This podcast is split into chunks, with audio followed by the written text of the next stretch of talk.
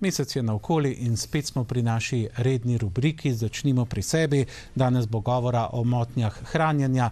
Ja, z nami v studiu pa spet naša in vaša strokovnjakinja, doktorica Lucija Čevnik. Dobar dan in dobrodošli. Lucija, seveda, motnje hranjenja je ena tako pomembna materija, ki je nekako prav zaradi sodobnega načina življenja vedno bolj v spredju. Zanima pa nas najprej, kakšna je pravzaprav razlika med motnjami hranjenja in motnjami prehranjevanja. Ja, to so v bistvu dve precej različni stvari, čeprav jih ljudje pogosto mešamo. Zdaj, pri motnjah prehranjevanja gre za take bolj vsakodnevne, običajne motnje, ne, ko recimo izpuščamo obroke, ko se neredno prehranjujemo, ko imamo, ne vem, en ali dva obroka, vstajamo ponoči, pa ponoči jemo, ali jemo nezdravo prehrano. Skratka, naša prehrana je neuravnotežena, tu gre za neke motnje prehranjevanja. Ko pa govorimo o motnjah hranjenja, to pa je v bistvu duševna bolezen. Se pravi, prihaja do duševnih, psihičnih motenj, ki pa se kažejo skozi uživanje oziroma neuživanje hrane. No, poznamo več oblik motenj hranjenja, seveda pa je zdaj vprašanje, kako jih prepoznati. Ja, obstaja več oblik motenj hranjenja. Zdaj, mogoče, če se nekako ustavim pri pri posameznih in jih malo predstavim. Najbolj poznana in ena tako najbolj dolgo klinično zgodovino je seveda anoreksija, ne. Poznamo jo že več kot sto let. Pojavila se je tam nekje v dvajsetih, tridesetih letih prejšnjega stoletja, ko so ženske začele zelo ekstremno shujšati, ko so hotele doseči deško, se pravi telo, ki je bilo zelo vitko, takrat so si povijale prsi, pojavljajo se tudi zelo ekstremne oblike hujšanja, zelo nenavadne. In takrat se pojavijo tudi prve motnje hranjenja. Se pravi, anoreksija je ena takšnih oblik, kjer nekako gre za izstradanje telesa. Se pravi, ves čas imamo občutek, da smo predebeli, da nismo dovolj vitki, da ne ustrezamo, ampak moramo se zavedati, da motnje hranjenja so v bistvu klic na pomoč, ne. Mogoče kaj več o tem tudi v nadaljevanju.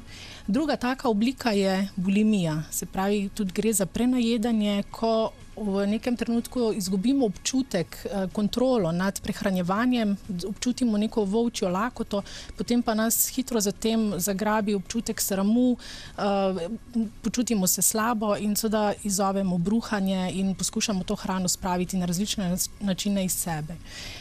Če sta prvi dve obliki precej pogosti za ženski spol, pa je bigoreksija bistveno pogostejša pri fantih. Gre pa za motnjo hranjenja, ki je povezana z obsedenostjo z natreniranim mišičastim telesom. Je taka precej novodobna oblika, ampak to ne pomeni, da pač gremo v fitnes in da smo zato že kar imamo motnjo hranjenja. Gre za to, da gre za to štiriindvajseturno preokupacijo. Se pravi, da smo ves čas obremenjeni s tem, kakšno je naše telo. Ali smo dovolj natrenirani, kakšne so naše mišice, neprestano si merimo obseg, ne vem, bicepsov. Potem zelo pogosta motnja hranjenja je ortoreksija.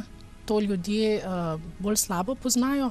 Gre pa za obsedenost z zdravim načinom prehranjevanja. Se pravi, ves čas se obremenjujemo s tem, kaj jemo, kako je ta hrana prišla do naše mize, v naš krožnik, kako bomo to hrano skladiščili, ali je ekološko pridelana. In to postane tako obremenjujoče, da enostavno ne moremo več normalno funkcionirati v družbi. Zdaj, taki bolj posebni obliki motnje hranjenja, ki sta prišla, prišli iz Anglije, sta recimo drankoreksija, kjer gre za kompenzacijo hrane z alkoholom. Recimo to se je pojavljalo pri angleških mladoletnicah, ki so, se pravi najstnicah, ki so namesto da bi jedle, ne, so uživale alkohol in na tak način prelisičile nekako telo, ne, da niso občutile tega lakote. Druga taka zelo boleča oblika pa je tudi pregnoreksija. To pa je pogosto pri ženskah, recimo, ki že nekako bolehajo oziroma se pojavljajo motnje prehranjevanja. Se pravi, ta nepravilna prehrana, potem že nekako neke oblike hujšanja, ne. In takrat, ko ženske zanosijo, ko se začne telo spreminjati, pa je to pojav, ki ga enostavno ne morejo prenesti, ne. Se pravi, pogled na svoje telo, ki se spreminja, ki se veča, ki se, ki v bistvu raste, in enostavno začnejo odklanjati hrano. Tudi takšne oblike imajo zelo slabe posledice seveda in tako na plod kot na žensko. No, naslednje pomembno vprašanje, Lucija. pravzaprav, kaj povzroča te motnje hranjenja. Ja. Zdaj, dejavniki so v bistvu različni, a ne zdaj tisti najbolj pomembni so seveda dejavniki znotraj družine. Družina je eden ključnih dejavnikov, ki pripeljajo do motenj hranjenja, odnosi znotraj družine, drugi so seveda kulturni, uh, kultura kot takšna in pa seveda tudi uh, genetski. Zdaj, če se nekako ustavim, predvsem pri prvem. Najprej sem rekla, da so motnje hranjenja klicna pomoč. Predvsem gre za neurejene odnose znotraj družine. Moram reči, da ravno v tem času, ne, ko otroci zaključujejo šolanje, je motenj hranjenja, ki se pojavijo v taki eksplicitni obliki, zelo veliko. Gre za pritiske, ki jih otroci ne prenesejo, ne zmorejo, in to se nekako potem izbruhne ne, kot motnje hranjenja. Sem že prej rekla, da je to klicna pomoč.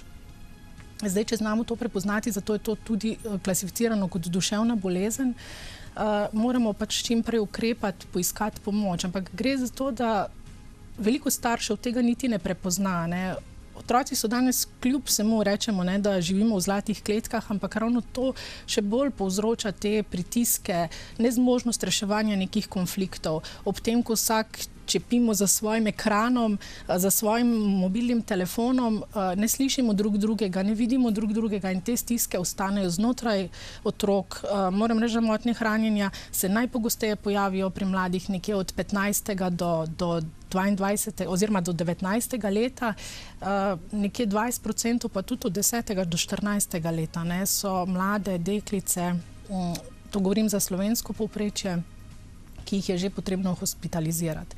Zdaj, drugi dejavnik, uh, kultura, uh, seveda spremljamo lepotne ideale, ki so če dalje vitkejši in ko se primerjamo z njimi, imamo vedno občutek, da nismo dovolj vitki, nismo dovolj lepi in ta kult vitkosti je zelo močno prodrl naše pore, sploh pri mladih, ki nimajo nekega um, nekih referenc, pravi nekih izkušenj, um, da bi znali pogledati na svoje telo tudi z drugega zornega kota, ne samo z vidika primerjave z znanimi osebnostmi, ki jih vidijo prek spleta, prek se pravi raznih modnih, lepotnih revij, filmov. In seveda tudi to ima negativni vpliv, seveda pa tudi nekaj naredi genetika, ne? se pravi ta strah pred debelostjo. Vsi, ki so imeli težave z debelostjo v otroštvu, so se verjetno srečevali z mnogimi kritikami strani vrstnikov, kar seveda tudi pusti zelo globoke bolečine in posledično kasneje tudi neko notranje, bom rekla, samo obljube, da nikoli več se ne bomo zredili in tudi odklanjanje hrane do te mere, da lahko se razvije tudi oblike, recimo anoreksije.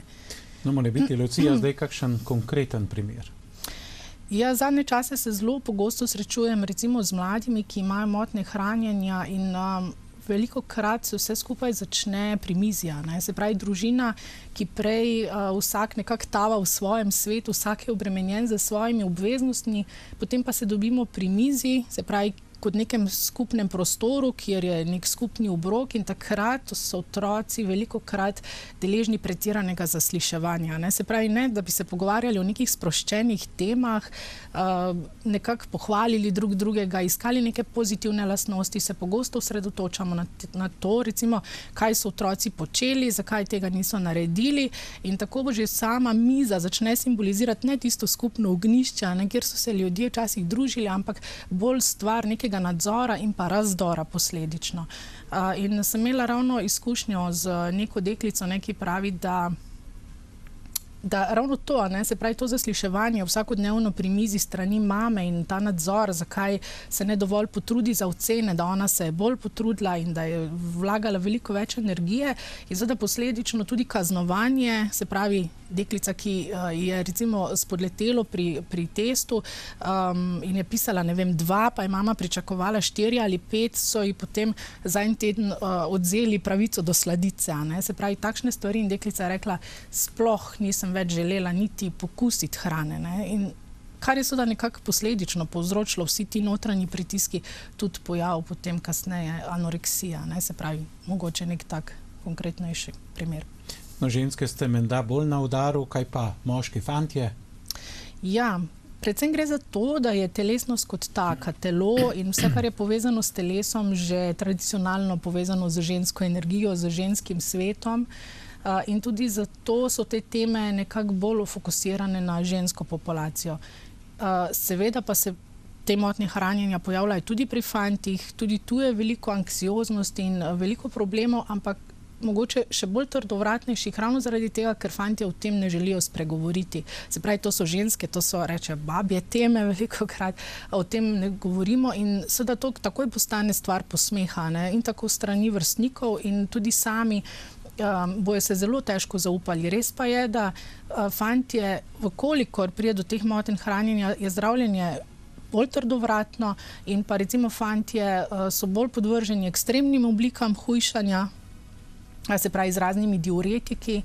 Um, tako da ja, ta tema je tudi pri fantih zelo pogosta, ampak bistveno bolj prikrita. No, gre za pojav, ki je dan danes nekako bolj pogost, bolj uspavno. Zakaj? Predvsem zaradi tega, zdaj, zakaj hrana. Ne? podobni, podobni uh, učinki so tudi pri samopoškodovanju, ki je tudi zdaj v porastu pri mladih. Uh, motnje hranjenja, hrana kot taka, pa zaradi tega, ker ima hrana v današnji družbi zelo visoko stopnjo legitimnosti. Se pravi, toliko, ko se danes pogovarjamo o načinu prihranjevanja, o prihranjevanju kot takim, se nismo še nikoli. Sem pa pogledamo odprte kuhne, kulinarična potovanja. Um, se pravi, Ne, se pravi, ti kuharski tečaji, ki so po raznih kanalih, ne, se pravi, vse to prehranjevanje nas neustano spremlja. Ne? In ta obremenjenost, da pazimo, kaj jemo, koliko jemo, uh, je po eni strani zelo dobrodošla, se pravi, se kultura s tem precej ukvarja, po drugi strani pa je to zelo tanka meja med tem. Se pravi, ko to mejo prestopimo in že zaidemo v pretirano obremenjenost s prehranjevanjem, se pravi, tu, to je zelo težko najti potem tisto ločnico, kdaj je tega preveč. In zaradi tega je motnje hranjenja prav zaradi težko odkrita. Ne? Ste želeli še nekaj dodati? um, v bistvu to, no, se pravi, ta legitimnost uh, hrane, uh, mogoče, ki je tudi lahko dostopna, nekako. Um, Postane sredstvo, no, preko katerega potem sproščamo te notranje, um, notranje napetosti, ki se pojavijo, psihične. Kaj pa potem lahko storimo, da pravzaprav zmanjšamo na minimum možnost za to vrsten pojav?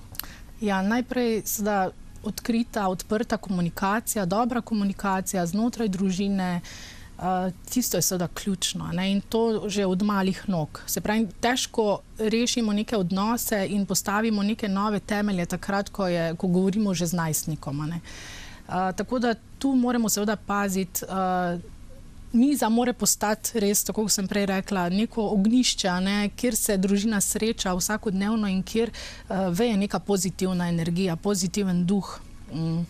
ne pa obtoževanje, kaznovanje, nadzorovanje. Uh, In seveda, da, otroku, da pri otroku spodbujamo tudi neko, bom rekla, zdravo agresivnost, v tem smislu, da, da mu dovolimo, da se da, daj postavi zase, da mu dovolimo, da izraža svoja čustva, da izrazi kdaj tudi svojo jezo. Tako imamo zelo občutek, da jeza je dovoljena samo odraslima. Ne? Se pravi, ko pa se otrok razjezi, takrat pa mu to poskušamo na vsak način preprečiti. Skratka, razvijati neko pozitivno samo podobo uh, pomeni uh, pustiti nekomu, da je takšen, kot v resnici je. Se pravi, da ne da mu pustimo, da počne vse, kar hoče, ampak uh, kljub temu, da mu dovolimo, uh, da izrazi uh, tudi svoje čustva. Danes torej v spredju motnje hranjenja, mora biti nam že lahko zaupate, o čem bomo govorili prihodnji mesec. Ne, to pa še ne vem. Pravi, Tako da teme so še odprte, bomo videli, kaj. Pustimo se presenetiti. Za danes hvala lepa, ker nekaj koristnih na svetu je bilo, kot rečeno, čez mesec dni pa spet srečno. Hvala. Drage gledalke, cenjeni gledalci, ja, to je bila naša redna mesečna rubrika Začnimo pri sebi in sicer o motnjah hranjenja smo govorili.